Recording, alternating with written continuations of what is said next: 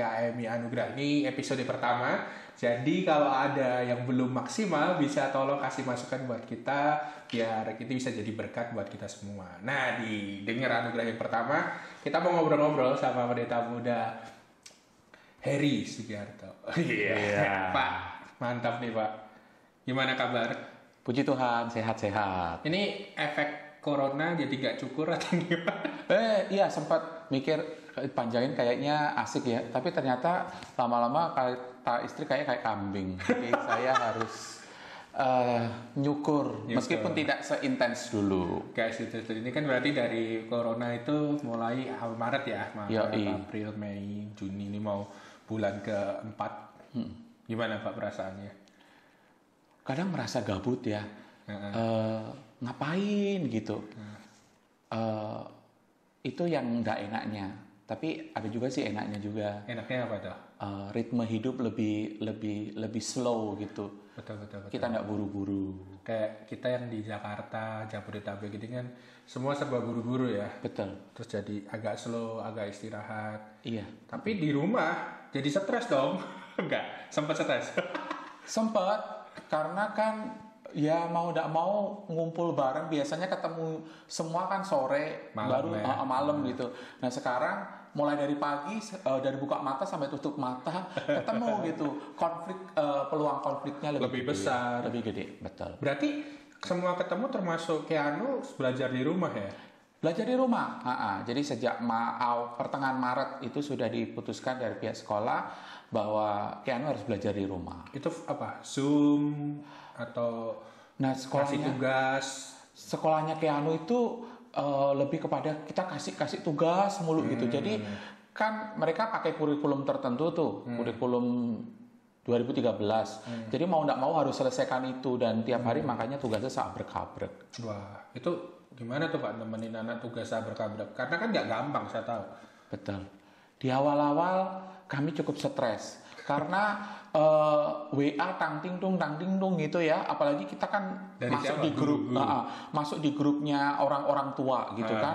Nah guru kasih tugasnya itu di grup itu. Hmm. Jadi bukan hanya saya saja yang stres, tapi ternyata orang tua yang lain juga pada stres. Maksudnya ini apa? Tugas ini dikerjakannya kayak gimana? Terus, Ah. nah itu yang eh, Karena ini ya, nggak semua orang tua menguasai materi itu. Jadi materi ini disuruh ngajarin anak bingung juga ya. Iya betul. Materi-materi tertentu kita ini, waduh, sudah kok nggak ngerti gitu loh, nggak ngerti memang, sehingga eh, ya harus cari googling juga. Ini maksudnya apa gitu seperti itu. Anaknya sendiri gimana Pak? Stres gak? Si Yang pasti cukup stres lah, karena kan itu perubahan yang drastis ya Nah. dari model belajar mereka tatap muka Ketemu lalu temen. kemudian betul mereka bisa interaksi sekarang mau nggak mau kita orang tua yang jus- eh, juga nggak selalu punya eh, pengetahuan kayak guru Iya. mau nggak mau harus ngajari atau bimbing anak jadi itu di awal-awal eh, dua minggu pertama itu penuh dengan ketegangan Dua minggu pertama. dua minggu pertama Selanjutnya? Selanjutnya mulai eh, bisa nemukan ritmenya bahwa oh model belajarnya seperti ini gitu. Terus tugas-tugasnya seperti ini dan ya senangnya sih gurunya cukup kooperatif untuk bisa melatih kami-kami para orang tua yang juga cukup stres dengan perubahan sistem belajar ini. Keanu kelas berapa Pak? Sekarang naik kelas 3. Kelas tiga kan? Nah, Iya, betul. Itu kan masih aktif-aktifnya main sama teman, sosialisasi gitu nggak bosen tuh sendirian, nggak bisa ketemu orang, nggak bisa ngapain. Dua bulan pertama dia belajar di online itu pertanyaannya sama kapan ya bisa masuk sekolah gitu Itu ya. pertanyaan saya. Nah, pertanyaannya kapan ya Dedi bisa ke sekolah lagi bisa ketemu temen gitu Nah. nah ternyata teman-temannya pun juga sama gitu jadi ini anak ini pada pada saling rindu satu dengan yang lain padahal kalau di kelas itu kadang berantem juga gitu ya Usia-usia segitu sih. iya Tapi poin ini itu kan cuma dua bulanan ya, masih Mm-mm, bisa tiga tahan. bulanan lah Tiga bulan. Lah ini saya ada berita nih, coba dilihat nih. Belajar jarak jauh diprediksi berlanjut pada tahun ajaran baru. Berarti semester ini lanjutin lagi dong. iya betul. Tambah beban atau enggak tuh, Pak? satu sisi memang ini tidak mudah. Mudah. Tapi eh, kalau saya pribadi, kalau kami melihat bahwa ini mungkin pilihan yang terbaik gitu, mengingat bahwa anak-anak sangat rentan gitu, Jangan rentan. sangat rentan. Bisa bayangin lah kalau anak-anak segitu belajar bareng, pakai masker, ganti-gantian masker gimana? Iya, Wah, maskermu Eh, lucu, kita tukeran betul. yuk. Waduh. Betul, seperti itu. Sampai rumah kena semua. eh, kalau nggak salah di bawah 12 tahun ya yang dilarang itu ya. Betul. Jadi eh, memang untuk anak-anak khususnya yang SD itu SD, TK jadi prioritas terakhir untuk mereka bisa bisa masuk di sekolah gitu. Jadi Berarti ini artinya sekolah minggu juga termasuk dong, Pak? kemungkinan Kemungkinan berarti Iya. meskipun nanti kalau gereja udah dibuka, sekolah minggu belum tentu bisa. belum tentu bisa gitu karena memang tidak gampang khususnya buat anak-anak. Betul. Ini udah pada rindu, pada itu. Ya kalau orang tuanya sabar. Kalau orang tuanya bingungan, wah ini cukup sulit. Jadi Iya. ini ada artikel kalau kita baca ya. Anak bosan di rumah selama COVID-19 mendongeng bisa jadi mengatasi masalah. Ini saya baca simpelnya sih orang tua harus punya uh, relasi, komunikasi sama anak kayak gitu. Menurut Bapak ini benar gak? Atau Bapak punya ada tips-tips buat mungkin para jemaat juga yang udah ya sekolah batal lagi mas, berarti aku harus ngajarin anak lagi atau gimana? Mungkin silakan. Kalau kami sih belajar bahwa memang ini adalah bagian dari dari hidup yang mau tidak mau ya kita harus terima. Kuncinya kita beradaptasi lah gitu. Adaptasi. Uh, beradaptasi bahwa uh, anak harus belajar di rumah dan kita orang tua akan lebih banyak bertatap muka. Satu sisi ini jadi challenge untuk orang tua untuk bisa apa namanya berpartisipasi aktif sih untuk untuk bisa ngajari anaknya. Karena kadang jujur banyak orang tua itu berpikir gua cari duit deh anak gua gua sekolahin di di sekolah ya udah itu urusannya guru gitu. Tapi justru pandemi ini ngajarin kita bahwa orang tua bisa terlibat gitu. Nah, memang dalam prosesnya kita harus menemukan cara untuk supaya anak-anak kita tetap enjoy kalau mereka tetap belajar di rumah gitu. Sebetulnya kan kalau belajar di rumah kan waktunya enggak, enggak lama. Oh gitu iya? ya. Enggak lama. Jadi eh, materi-materi yang dikasih gitu dikasih eh, kita bisa baca, kita bisa pelajari, kita bisa ajarkan ke anak gitu. Kayak anu biasa uh, jam-jam tertentu adalah jam-jam di mana dia memang harus belajar gitu. Jam bahwa ini loh kamu harus belajar gitu. Bahwa itu tanggung jawabmu sebagai anak Tuhan, kamu harus belajar sebagai pelajar bahwa kamu harus uh, selesaikan tugas-tugas kamu. Kami tekankan itu. Komunikasi Iya. untuk ngerti tanggung jawabnya dia ya. Betul. Pak, aku baru sadar kemarin itu kan yang Maret sampai sekarang kan masih WFH ya. Dan nanti Juli ke sana kan mungkin WFH udah dibuka nih. Kalau anak tetap belajar di rumah, yang ngajarin dia di rumah siapa ya? Nah, Ini pertanyaan besar loh, bener nggak? betul, betul. Artinya contoh, mama kedua orang tuanya kemarin WFH, karena kerja di luar, terus WFH masih bisa nih nemenin. Ini dibuka kan? Betul. Siapa yang ngajarin di rumah Iya. sendiri?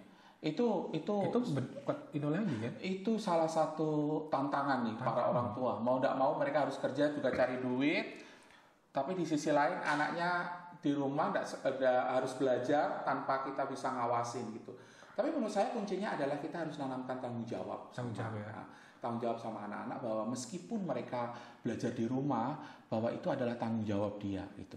Saya biasa eh, sama Keanu waktu dia belajar berangkat sekolah gitu kami itu selalu berdoa untuk sesuatu yang sama. Kami biasa berdoa seperti ini uh, uh, Keanu biasa berdoa gini Tuhan Yesus Keanu mau sekolah uh, Tuhan tolong Tuhan berkati. Dan selesai itu lalu kemudian saya uh, dia saya ajarin gini uh, bahwa belajar itu adalah tanggung jawab Keanu kepada Tuhan Yesus sehingga dia tahu bahwa dia harus belajar. Nah ini coba yang juga kami komunikasikan bahwa meskipun dia di rumah, dia harus belajar tanpa mungkin eh, ada yang ngawasin atau apa. Tapi tentunya untuk hal-hal yang memang orang tua harus siapkan harus siapkan supaya mereka dapat belajar dengan maksimal seperti itu. Dipahami, dipahami. Jadi saling mem- memberikan ini ya tanggung jawab masing-masing dikomunikasikan juga ya. Iya betul, Ha-ha, seperti itu. Ya susah juga ya kalau umpama anaknya masih kecil-kecil. Tapi kalau kecil kayaknya nggak nggak nggak ada kelas ya pak ya. kecil itu mungkin lebih banyak interaksi sih Interaksi gitu aja ya. ya. Tapi kalau mungkin baru SD ke atas ya sedikit-sedikit ada tugas Ah, apa gitu. betul, Tetapi masih walaupun belajar di rumah, so far eh, kita masih bisa lakukan bahkan di sekolahnya Keanu sampai eh, tu- misalkan ada tugas tuh sampai jam 20 eh, jam 10 malam tugas boleh dikumpulkan. Artinya kan kalau Wah. misalkan nanti orang Nunggu tuanya orang tua bisa. Ah, ah, nunggu itu bisa seperti Betul, betul. itu. Wah luar biasa ya tantangannya di rumah. Saya masih bujangan jadi nggak ngerti nih cara ngajar anak di rumah dan lain sebagainya. Iya. Oke Pak, itu tadi kan tantangan di rumah, terus cara Bapak mengatasi. Seperti judul podcast kita, dengar anugerahnya. Wes, saya pengen dengar dong Bapak, ada nggak anugerah Tuhan yang Bapak rasakan selama ini yang pengen Bapak saksikan kepada orang eh, lain gitu, sehingga yang dengar ini bisa juga merasa juga dengar anugerah Tuhan. Cie. Eh, waduh pertanyaan dalam banget. Dalam dong. Eh, Buat saya atau buat kami keluarga bahwa pandemi ini adalah sebuah bagian dalam hidup kita gitu. Saya sih selalu memaknai eh, iman itu sebagai sebuah perjalanan gitu. Dan eh, pandemi ini adalah bagian di mana kita ini ya ada masa-masa di mana kita harus lebih banyak berdiam diri, lebih banyak eh, apa namanya eh, aktivitas harus kita lakukan bersama-sama dengan orang di sekitar kita gitu. Kami memaknainya bahwa itulah perjalanan hidup gitu. Kalau hari ini mungkin kita sedang susah oleh karena pandemi ini ya itulah bagian yang Tuhan izinkan gitu. Hmm. Tapi saya yakin bahwa ini ada sesuatu yang baik gitu seperti itu. Dan ini juga yang kami sampaikan, yang kami ajarkan kepada Keanu supaya dia paham bahwa ini bukan hanya sekedar wah kayak apa gitu, tetapi ini adalah bagian di dalam hidupnya gitu. Naik turun, tapi yang paling penting adalah dalam naik turunnya itu anugerah Tuhan, pemeliharaan dan kasih Tuhan itu selalu kami alami hari lepas hari. Puji Tuhan, Seperti itu, puji Tuhan. gitu. Wah, sungguh ini ya, apa nama saya? Dari tadi tuh saya dengar Bapak itu sama Keanu, sama Keanu. Artinya komunikasi orang tua itu penting banget ya untuk Iya. juga menuntun anak ya. Betul, betul. bisa cuma anak ya udah sekolah, ya udah Iya. kerjain PR. Betul, betul. Karena memang sebetulnya dan yang paling penting menurut kami itu adalah kita menanamkan nilai, Nanamkan ini. nilai di dalam hidup. Kita kadang orang tua itu bisa apa sih, gitu ya. Kalau suatu saat kita tidak bisa lagi bersama-sama dengan anak kita, ya nilai itu yang akan terus dia dia ingat itu seperti itu. Dan kebetulan Keanu tipe anak yang eh, lebih gampang diajak berinteraksi hal-hal semacam itu. Meskipun kami menyadari kami juga bukan orang tua yang sempurna, tetapi eh, kami belajar untuk bisa menanamkan nilai itu sebagai hal yang paling penting dalam hidupnya, seperti itu. Banyak hal kami coba lakukan itu supaya ke depan dia bisa jadi anak yang yang takut akan Tuhan tentunya doa kami gitu. Saya selalu kami selalu doakan dia itu seperti ini supaya dia itu berhasil menurut caranya Tuhan. Em, Dan itu mau tidak mau tak kala kita berdoa seperti itu, ya kita sebagai orang tua harus ingat bahwa panggilan kita adalah menemukan apa yang Tuhan mau dalam hidup Keanu, bukan menurut maunya kami gitu. Seringkali kan kadang konflik-konflik antara orang tua dan anak muncul kan karena di sini yang satu pengen apa, pengen apa, yang satu pengen iya apa. seperti itu, Betul, seperti betul. itu. Nah itu, Wah, puji Tuhan ya. iya. Keanu ada orang tua yang selalu terbuka untuk komunikasi. Iya. Semangat terus Pak buat apa eh, di rumah sama Ibu Maria juga salam nanti.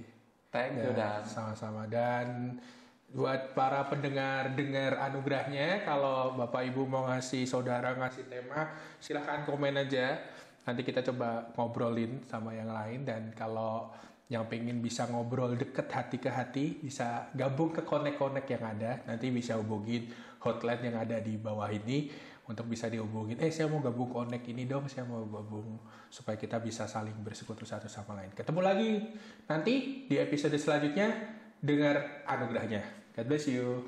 Bye